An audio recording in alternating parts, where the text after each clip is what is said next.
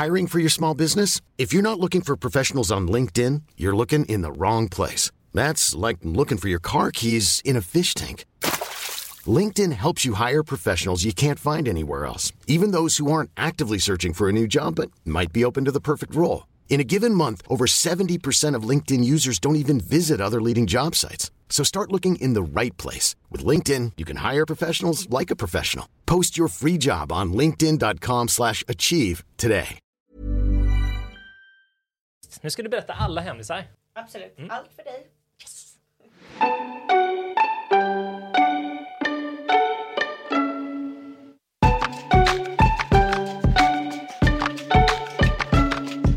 Välkommen till Så blir du fucking influencer med mig, Emil Norberg. En podd där jag tillsammans med några av Sveriges mest framgångsrika profiler tar reda på hur man egentligen gör för att bli influencer.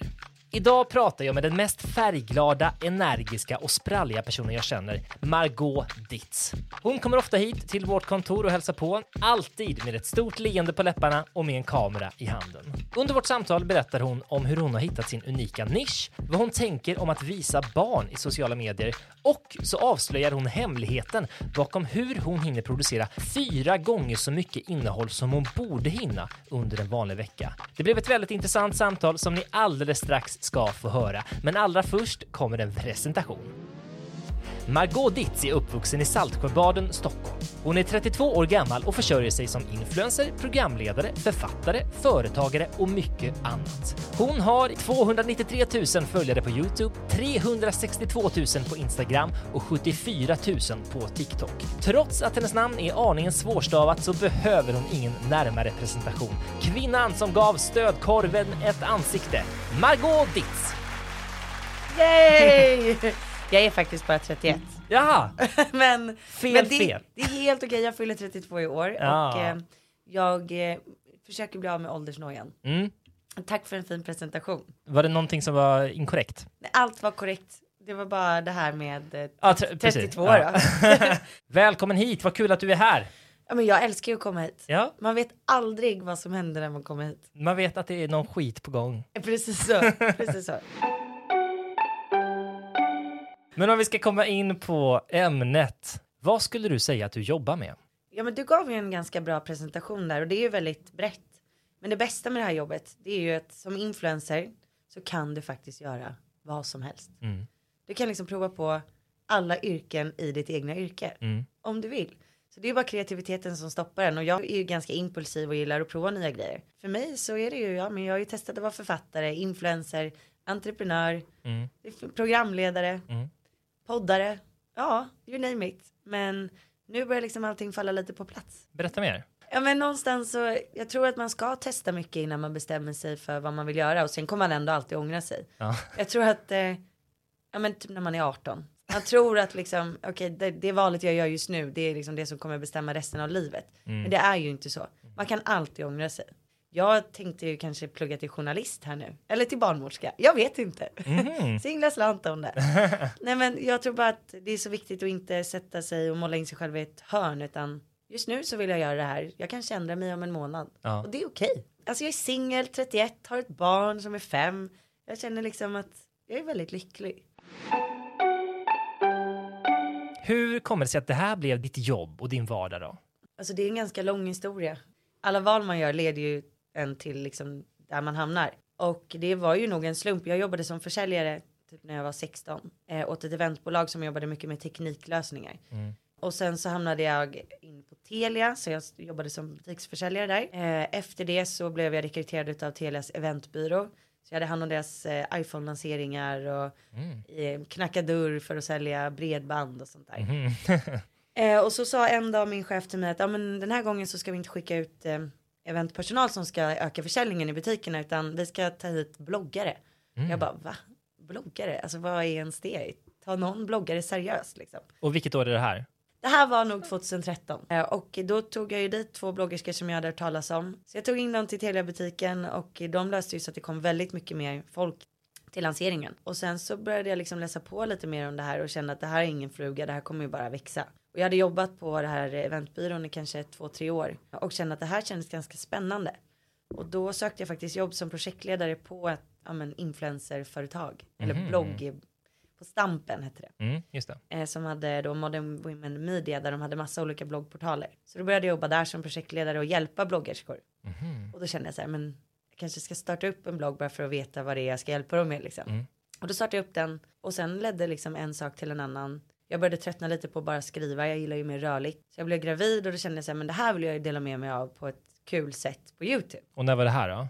Det här var ju 2016 Ja. i november, december. Ja. Och eh, jag kunde inte klippa så bra märkte jag ju. Jag hade inte så mycket tålamod. Nej. Jag visste vad jag ville men det var svårt med det här med klippredigeringen. Och eh, då hittade jag Elin då som jag har jobbat med sedan dess. Tog in henne som praktikant på det här bloggnätverket. Plus att jag då anställde henne på, alltså per timma i mitt eh, ja, men nystartade bolag som var en enskild firma. Och hon tog ju då betalt per timma för att lära sig att redigera. Hon hade ju aldrig redigerat någonting heller. Okej. Så vi var ju liksom blind leder blind där ett tag. Men vi fick ihop liksom första filmen och det kändes jättebra. Och jag tror jag gick back typ eh, 10 000 per månad tror jag gick back. Och det gjorde jag nog i så här sju månader. Men då hade jag precis också börjat få en liten blogglön. Så det gick liksom plus minus noll där. Ja, okej. Så, du hade, kände- så du gjorde det där parallellt med bloggen då? Precis och så hade jag ju min heltidslön liksom från Ja. företaget. Eh, alltså där jag var anställd. Så jag gjorde det här vid sidan av och tyckte mest att så här, det är kul. Det får bli vad det blir. Och sen då efter sju månader då, då släppte jag förlossningsvideon. Och då, ja, men då visade det att så här, men det här funkar ju. Det här var ju kul. Då sa jag upp mig. Mhm. Ja. ja, häftigt. Så kände jag att nej men nu, nu får det vara nog med, eh, nu, nu får jag ta en risk liksom. Jag skulle ju ändå vara mammaledig. Men det slutade med att jag inte var mammaledig alls utan bara liksom all in i att börja vlogga. Du startade bloggen Jag tror 2015, ja, och sen Ja. så förlossningsvideon, när släppte du den? Okej, 2017. så det var två år där som du höll på. Ja, När märkte du att det började ta fart på riktigt? ja men så här, jag tyckte ju att, ja, men när jag startade bloggen, ja, först var det tio läsare. Sen hade jag ganska mycket följare på Facebook. Följare, vänner hade jag. Ja. Jag, hade, jag har mycket vänner på Facebook. Ja. Och eh, jag låg på en sån här topplista då på Devote. För att det var inte så svårt att komma upp på den. Och den var en till hundra. Då delade jag bloggen på Facebook. Ja. Då kom jag direkt upp du vet, så här, på plats kanske 80. Mm. Och sen så för mig var det liksom så här, jag kände hela tiden att så här, men det är en till läsare, en Mm. till läsare. Så jag tyckte ju att det lossnade typ direkt. Jag bara wow, tusen personer har läst vad jag skrev igår. Det är helt otroligt. Sen lossnade det nog ganska så ordentligt ändå.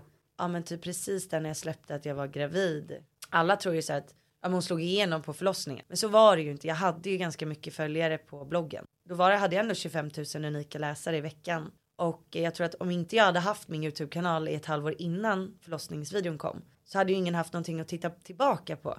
Då hade ju ingen liksom fått någon connection till mig. Så att man måste liksom bygga upp ett bibliotek och sen kanske få den här lilla pushen som gör att man får ett viralt klipp. Jag tror inte det bara går att bli viral och sen tro att alla ska stanna. Det räcker inte med en bra film. Den här förlossningsvideon, den blev viral. Ja, ja men det var lite sjukt. Eh, Jag kommer ju knappt ihåg att jag hade filmat den.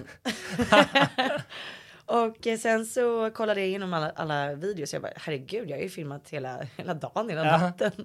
Vad kul. Sen tog det nog tre, tre och en halv vecka innan vi hade liksom klippt ihop den filmen. Ja. Men då var jag inte ens säker på att jag skulle lägga upp den. Jag kände att det här kanske är för intimt. Men då skickade jag den till min svärfar, alltså min eh, Arnolds pappas pappa. Mm.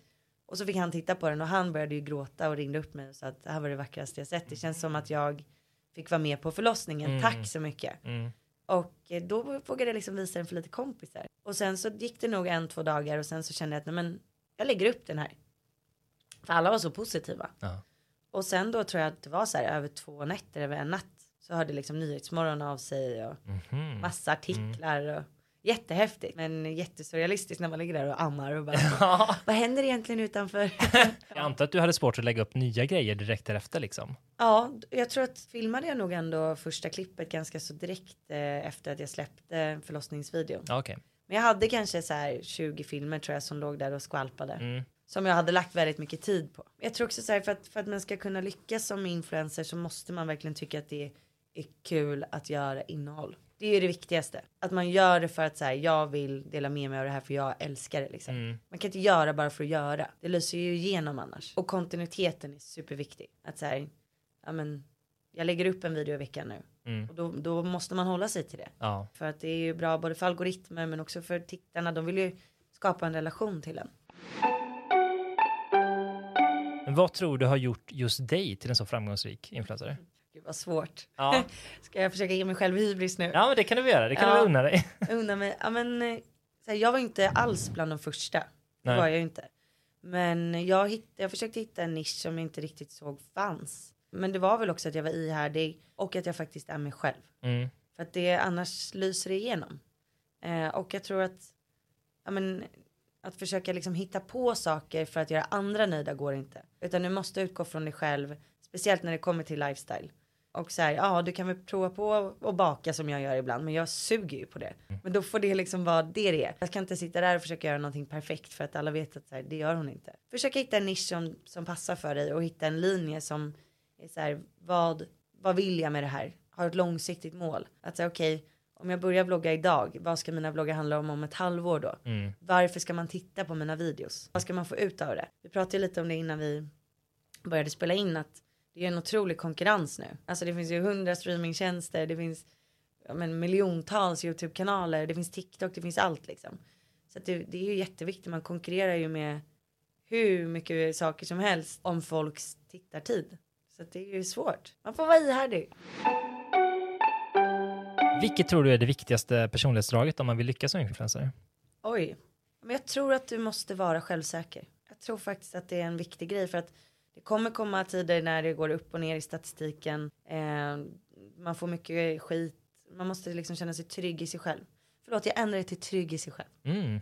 Trygg i sig själv. Inte självsäker, trygg. Mm. Mm. Så att man kan parera när man får eh, kritik eller när det inte Ja, går så men- bra som man hoppats och sådär. Ja, men också inte bli för påverkad av vad andra gör. Ja, just det. eller påverkas av att eh, två följare skriver att det var en dålig video. Mm. Att så här, man blir stressad och börjar tänka om på vad, vad ens linje är. Men också känna sig trygg i att så här, men jag gör det här för att jag gillar det. Och inte liksom ta in för mycket av omgivningen. Om du gör det och börjar titta på vad alla andra gör. Då tappar du dig själv. Du nämnde också kontinuiteten. Hur har du jobbat med det? Ja men det är A och O. Alltså i början var jag ju jätteordentlig med ja, men exakt liksom vilken tidpunkt och sådär. Men inte liksom sluta ladda upp i en månad eller två utan det här är ett jobb som alla andra jobb.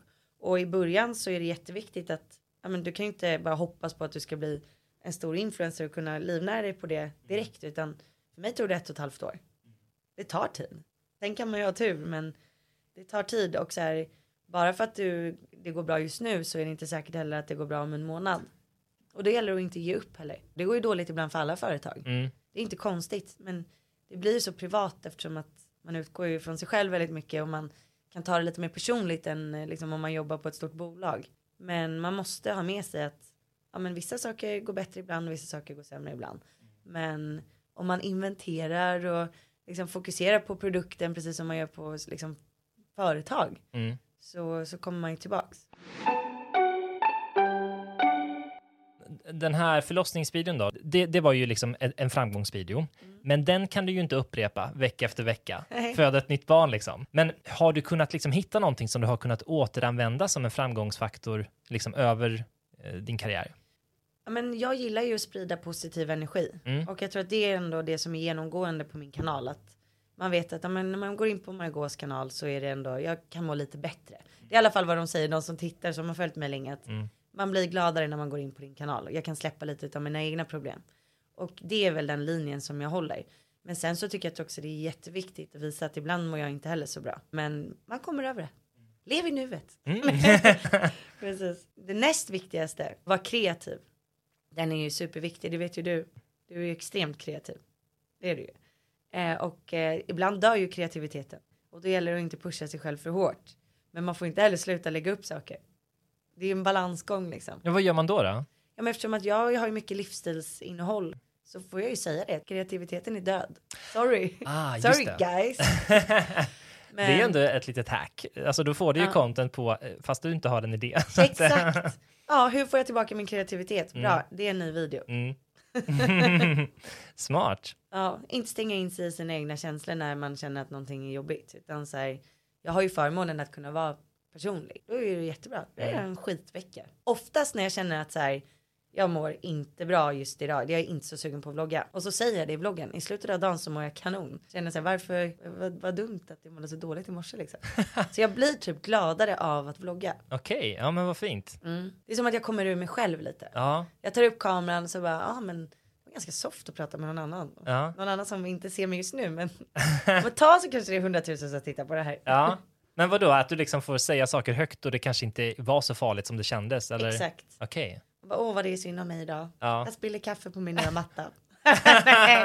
Nej. Men, eh, men det är klart att vissa har dåliga dagar när man vaknar. Det Mm. har man ju ibland.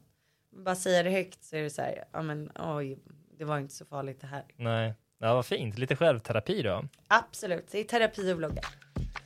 Att vlogga som självterapi låter ju som ett riktigt bra koncept. Inte minst eftersom man både verkar bli rik och känd på kuppen. Eller? Jag frågar Margot hur hon egentligen tjänar pengar på sitt kändisskap. Ja men jag har ju lite olika ben där att stå på. Jag är ju programledare. Mm. Det är ju en sak, så då får jag ju pengar via från tv-kanalerna. Eh, sen har jag ju influensandet. Då är det ju på lite olika sätt. Det är antingen samarbeten. Sen så kan man ju också få, få en liten peng från Youtube varje visning. Så får man ju en liten summa. Det är inte så jättemycket. Eh, sen har jag ju mina böcker. Som jag får betalt för. Vad har jag mer? Det är lite olika. Ja, men har du någon känsla för liksom hur stor del som kommer från vilket ben eller så? Absolut, jag, jag har ju olika bolag för att separera Mhm. eh, hur jag fakturerar och vart pengarna kommer in någonstans. Mm. Sen jag investerar ju i bolag också. Mhm. Eh, så att ja, jag försöker sprida mina risker lite grann. För att det är ju en riskfylld bransch. Ena Mm. dagen så går det bra och sen andra dagen kan det ju vara slut liksom. Eh, så att för mig är det jätteviktigt att också vara ödmjuk inför det. Att det kan lika gärna vara slut imorgon. Men så länge det varar så tycker jag att det är superkul. Sen ska man ju våga satsa lite också. Investera i bolag och ja, men, ha kul liksom. Berätta mer om det. Vad kan det Ja. vara? Ja, Men jag har investerat i två olika just nu som är klara. Ett heter Tech Buddy eller det heter numera Buddy Company. Mm. Som är egentligen buddies som skickas ut och som eh, ja, men hjälper människor med det de behöver hjälp med i hemmet. Mhm. Till exempel ja, men under corona så kunde du få hem en buddy som hjälper dig att installera ditt bredband och sådana saker. Mhm. Jättebra för speciellt äldre människor. Sen eh, också ett eh, bolag som heter North och de eh, håller på med elbilsladdning. Så att du som eh, har en elbil ska kunna liksom inte behöva ha massa olika appar för att kunna Åh. hitta elladdstationer. Utan de här har liksom nästan alla samlade. Mm. Plus att så här som privatperson så kommer du kunna hyra ut liksom din egna Mhm. eluttag ifall att du vill. Alltså Mm. supersmidigt. Ja, smart. Jag har ju elbil Ja, och alla de där apparna. Det är hopplöst. Ja men då, har- då kan du bara ladda ner den här så kan du ta bort alla andra. Klicka ner den, den kostar ingenting. Kommer vara supersmidig. Men vad roligt. eh, Vad kul att kunna göra sånt också. Mm. Men ehm, vad sa du? Vilken skulle du säga är det viktigaste benet liksom? Vad är det som betalar din lön? Ja men det är ju är mina samarbeten framförallt med kunder som jag gör liksom långsiktiga samarbeten. Så Okej. jag har till exempel jobbat med Stronger i så här fem år. Det är ju sjukt ändå. Mm. Tiden går så fort. eh, men det är jättekul och så är det skö- skönt att känna att man har nöjda kunder som fortsätter liksom. År in och år ut. Men sen håller jag på att starta eget bolag också. Ska släppa i februari men det är lite hemligt. Mm, vad spännande. Mm. Du kan säga någonting här så bipar vi det. Ja, lovar du att bipa det? Okej men jag håller på att ta fram. Är det sant? ja det är sant. Ja, vad häftigt. Bipa det. Ja, ja, absolut. Förhoppningsvis släppte, släpps det till alla hjärtans dag. Ja, vad häftigt. Mm. Det ser vi fram emot. Det är super fram emot. Han blev Eh, alldeles generad här. Ja, det här var lite pinsamt. Tillbaks till eh, liksom eh, influerandet då. Hur ofta lägger du ut innehåll? Eh, jag försöker lägga ut typ två posts på Instagram varje dag. Sen lägger jag ut kanske 10 till 20 stories per dag. Sen lägger jag ut kanske två till tre filmer på Youtube i veckan. Det är mycket alltså. Ja, det är mycket. Och alltså mina videos på Youtube tar ju typ en dag minst att spela in. Ja, Jag gör ju inte så mycket sådana här sit-downs där man bara sitter och pratar. nej. Och jag förstår att många tänker så här, men vadå vlogga, hur svårt kan det vara? Men det, jag är ju jättenoggrann med hur mina vloggar ser ut, att de inte ska vara för lika varandra och liksom det ska vara en röd tråd, det ska kännas liksom spännande att titta på. Mm. Alltså, det är ju liksom, man släpper ju inte den då från morgonen tills kvällen när du lägger ner kameran. Nej, du är, du är i den hela dagen liksom. Hela dagen. Ja. Hela dagen. Hur orkar du? Det är nog för att jag tycker att det är så kul. Alltså hade jag inte tyckt att det var kul så hade jag ju aldrig pallat liksom. Nej. Men eh, ja, nu är jag ju, eh, lever jag ju själv varannan vecka och med Arnold varannan vecka. Mm. Och det är ju är svårare när man är i en relation. För då kanske man vill ha, bara nej nu kommer hon där med kameran Mm. jagar mig liksom. Eh, men just nu funkar det väldigt bra. Sen har jag ju, jag har ju en till YouTube-kanal med min exman. Ja, precis. Mm. Moderna familjen. Moderna familjen. Mm. Eh, den, den, är- den är kul. Mm. Det är också så här, det är ganska kul faktiskt för att vi har ju inte umgått så mycket senaste tiden. Men nu har vi den här kanalen och försöker liksom inspirera andra separerade föräldrar till att försöka ha en bra relation. Vilket är lite ironiskt med tanke på att vi hade en skitrelation i typ två år. Men vi har liksom jobbat oss tillbaka och jag tror att många skilda föräldrar har det lite tufft i början. Komma överens och du vet allt, man tänker inte på det. Du vet bara få kläderna mellan föräldrarna. Mm. Planera lov. Ja. Vem som ska ha vilken dag. Alltså du vet det är mycket saker som ska klaffa. Jag är lite sugen på att flytta till hus. Mhm. Men jag kan inte lämna min exman i stan. Just det. Så att mitt tips till alla det är att skaffa bara barn med någon som du kan tänka dig att skilja dig med. Ja, vad fint. Ja, Imagine the softest sheets you've ever felt. Now imagine them getting even softer over time. That's what you'll feel with Bowl and Branch's organic cotton sheets. In a recent customer survey, 96% replied that Bowl and Branch sheets get softer with every wash. Start getting your best night's sleep in these sheets that get softer and softer for years to come. Try their sheets with a 30-night guarantee. Plus, get 15% off your first order at bowlandbranch.com. Code BUTTERY. Exclusions apply. See site for details. Hey, it's Ryan Reynolds, and I'm here with Keith, co star of my upcoming film, If, only in theaters, May 17th. Do you want to tell people the big news? All right, I'll do it. Sign up now and you'll get unlimited for $15 a month and six months of Paramount Plus Essential Plan on us. Mintmobile.com slash switch. Upfront payment of $45 equivalent to $15 per month. Unlimited over 40 gigabytes per month. Face lower speeds. Videos at 480p. Active Mint customers by 531.24 get six months of Paramount Plus Essential Plan. Auto renews after six months. Offer ends May 31st, 2024. Separate Paramount Plus registration required. Terms and conditions apply if rated PG. Eh.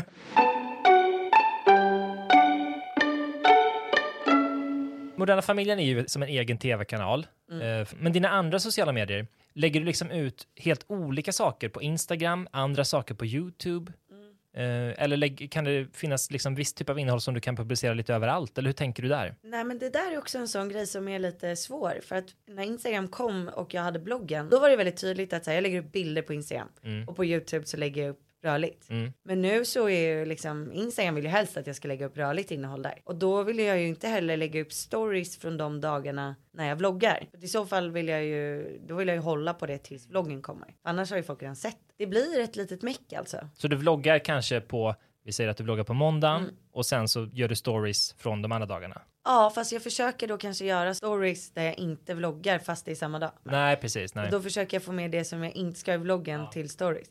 Det är ju, ah, så sitter folk och lyssnar, men hur svårt ska det vara? Det är ju hela tiden att man måste tänka. Ja, men det är klart, om du ska ut med liksom 15-20 stories om dagen, då är det ju jättemycket att tänka på. Ja, det inte ska synka, eller det ska synka med vloggen så att det inte är dubbelpublicering. Ja, jag fattar. Så där är det lite pyssligt då, m- mellan Instagram och YouTube. Lite. Och sen min TikTok använder jag faktiskt inte.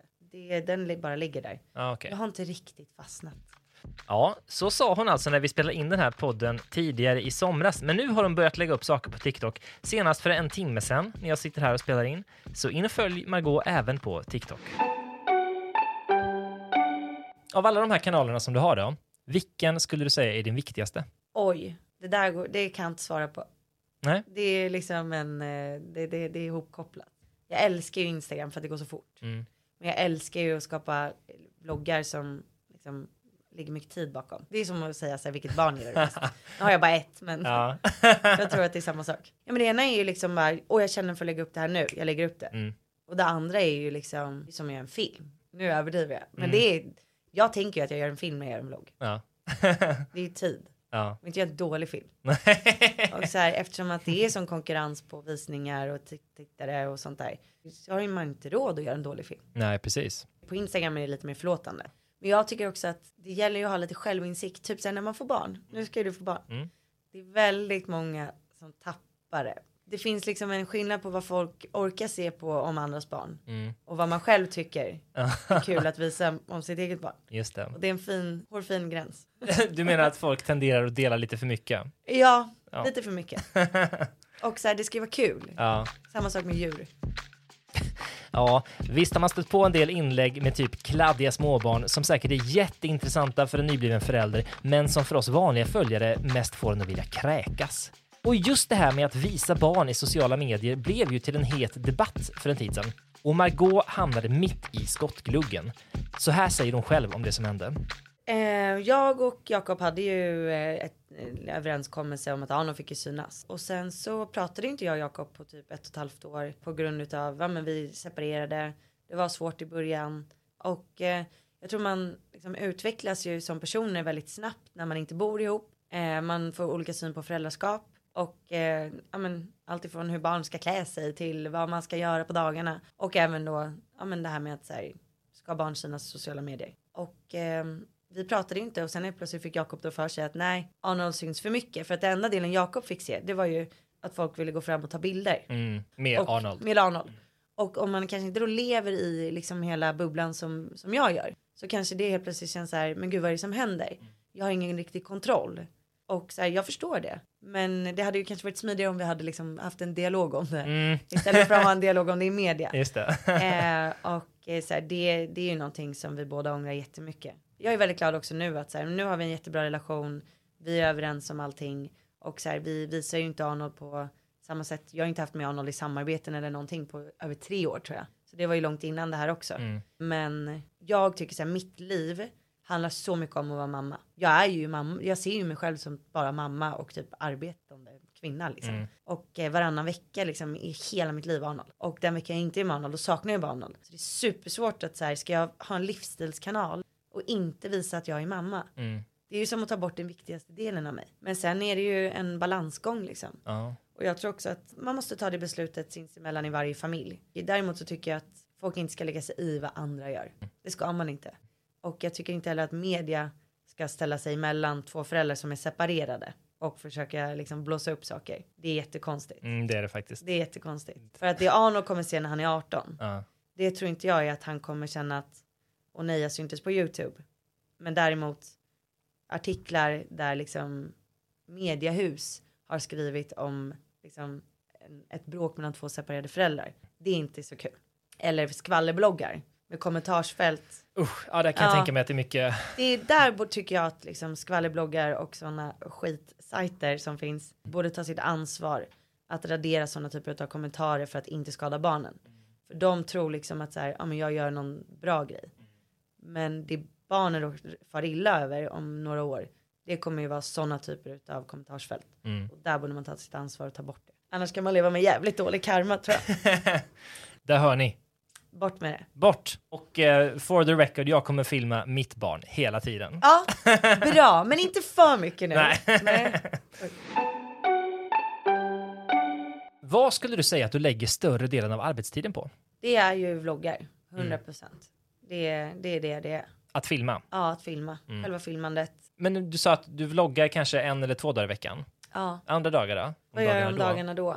Ja men då är det ju alltid från att jag har möten med kunder, försöker utveckla nya koncept, skriver böcker, Mm. pluggar manus, eh, det, gör samarbeten på Instagram. Jag försöker göra content till Instagram. Det blir liksom, jag jobbar ju sex, sju dagar i veckan. Det gör jag. Så när Arnold sover så jobbar jag ju igen. Men det är värt det. Det är Mm. kul. Så länge man tycker det är kul så tror jag inte heller att man blir eh, utbränd. Det kanske kommer sen. Men jag har ju så himla mycket idéer alltid. Och då blir man ju så här. Åh, jag har en två timmar ledigt här. Mm. Jag ringer Daniel och Emil och frågar om vi ska göra en låt. Ja, På tal om det så ska vi göra en låt. Jag Ja. har förberett allting för att göra en låt. okej. Då har vi lite bråttom. Vi har lite bråttom, men vi, sist gjorde vi ju en låt på typ två dagar. Ja, vi hinner. Men det är sånt här som man är så här, det här brinner man ju för. Mm. Bara så hitta på knäppa grejer. Men du får en idé och du vill bara göra den liksom? Nu liksom. Ja, okej. Nu vill jag, jag vill göra det nu. Blir det liksom att du sitter och jobbar på nätterna och sånt där också då eller? Ja, men jag försöker stänga ner senast 11 i alla fall. Men eh, sen har jag ju WhatsApp-grupper med fyra, fem anställda. Och då blir det ju det alltid någon som är vaken och vill jobba. Det låter som att du har en ehm, inte så tydlig gräns mellan när det är jobb och fritid. Nej. Vad tänker du om det? Ja, men det här jobbet är ju väldigt konstigt på det sättet. Så här, vad är jobb och vad är fritid? Eh, det som är bra med jobbet är att jag kan ju faktiskt ta med mig kameran på fritiden. Och då är frågan, jobbar jag nu eller är det fritid? Eh, Och det är också så typiskt att så här, när man bara, men nu ska jag ta hela helgen ledig. Då blir jag ju som mest kreativ. Ja, Jag bara, nej, så hallå. Var är min kamera när jag behöver den? Ja, det kanske inte är lika bekymmersamt om det, liksom, det du jobbar med är din passion. Nej. Och sen är det så här, ja men de dagarna det är mycket möten och sånt, då är jag inte jättekreativ. Och då blir det ju att måndag till fredag så är det ju mest möten och sånt som man måste göra. Kunder som väntar och hit och Mm. dit. Eh, men helgerna då är ju till för att göra content. För då är det ingen som stör. Mm, Okej, så det är på helgerna som du bloggar helst? Helst gör jag det, Ja. ja. Och det är nog mest för att ingen stör. Ja. Konstig grej. Ja. Var snälla låt mig vara så jag kan göra mitt jobb. Men för någonstans är man kommer tillbaka till är att det viktigaste vi har det är ju innehållet. Du måste göra bra innehåll för annars tröttnar folk.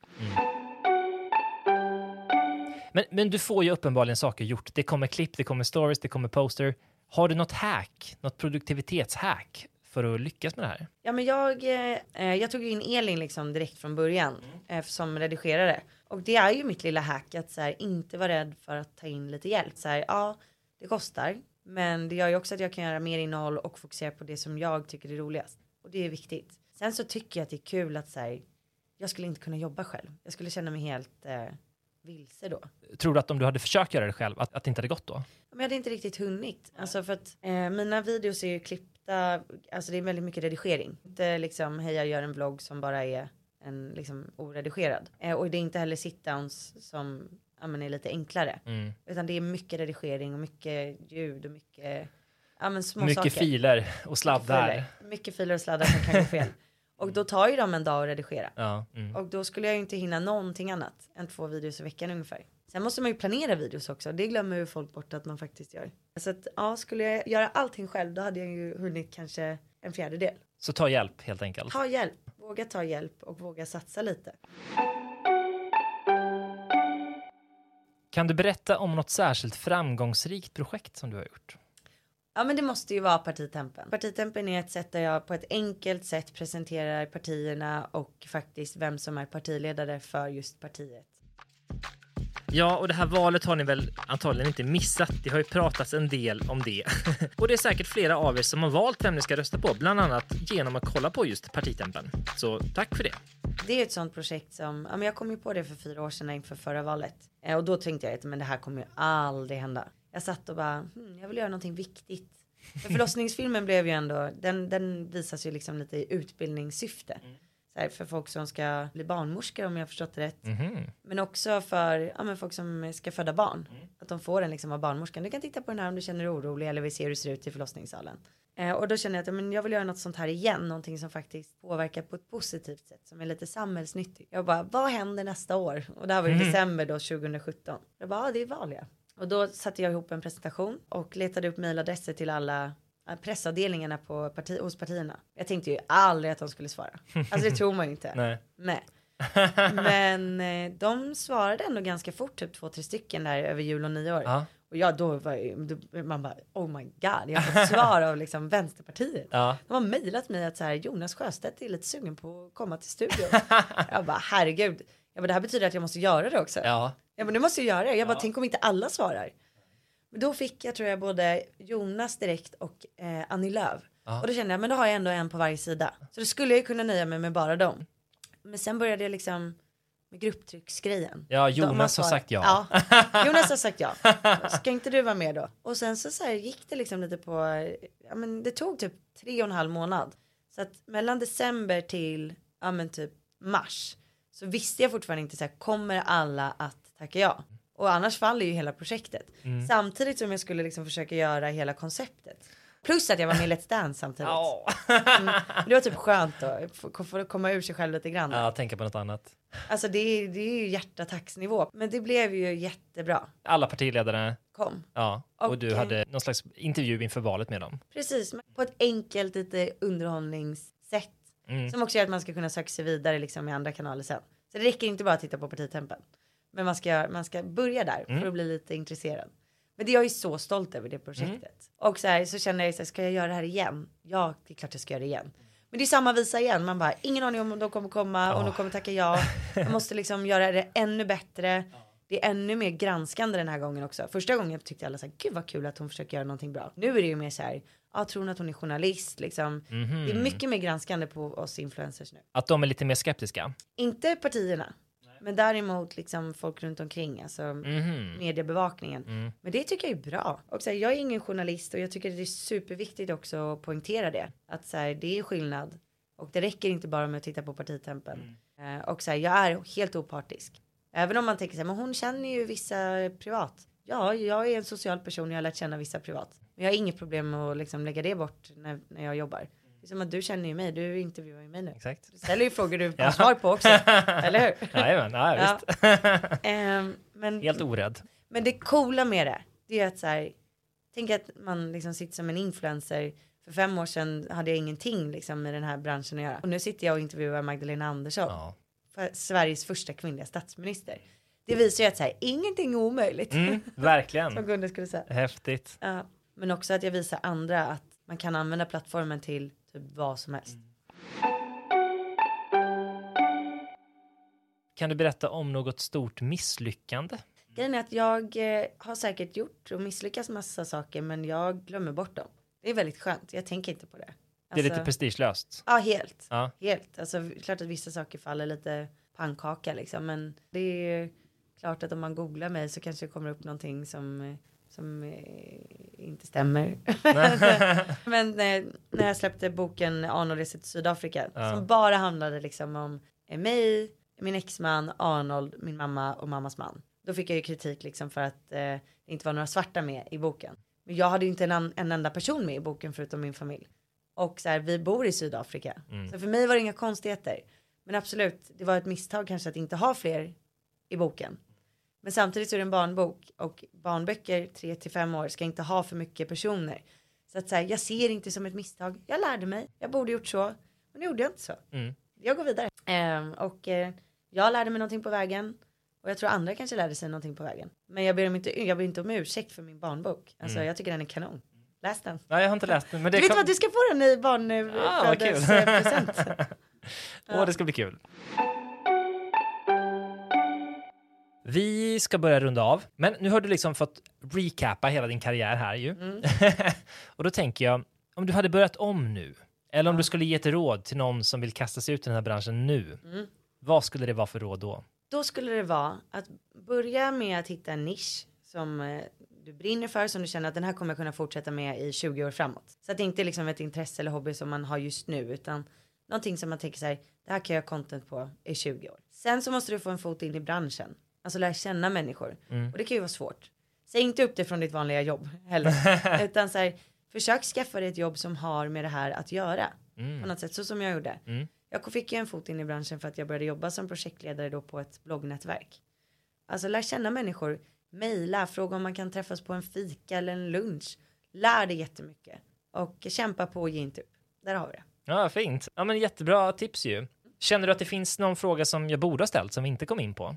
Nej, Nej, nej. det var precis. Det var precis vad jag förväntade mig. Vad nej, härligt. men jag är bara glad att jag fick komma hit och jag är så taggad på att du ska föda barn. Ja, det ska bli väldigt spännande. Ja, jag vill så är- gärna följa med. Hon har, hon har inte ringt nu och sagt att det är dags. Jag har ju kameran här. Nej, inga missade samtal. Inga missade samtal. Men du, eh, lyssnarna, de hittar dig på internet. Vad På söker man på då? internet, Margaux diet. Det är som sagt svårstavat men folk har ju hittat mig ändå. Välj ett lätt namn hörni. Mm. Ja, bra sista tips också. Toppen! Tack för att jag fick komma hit. Ja, men tusen tack för att du var här. Ha det underbart bra. Puss och kram. Hej, hej! Hej. Stort tack säger vi till Margot för alla de tipsen, så följ nu henne om ni inte redan gör det.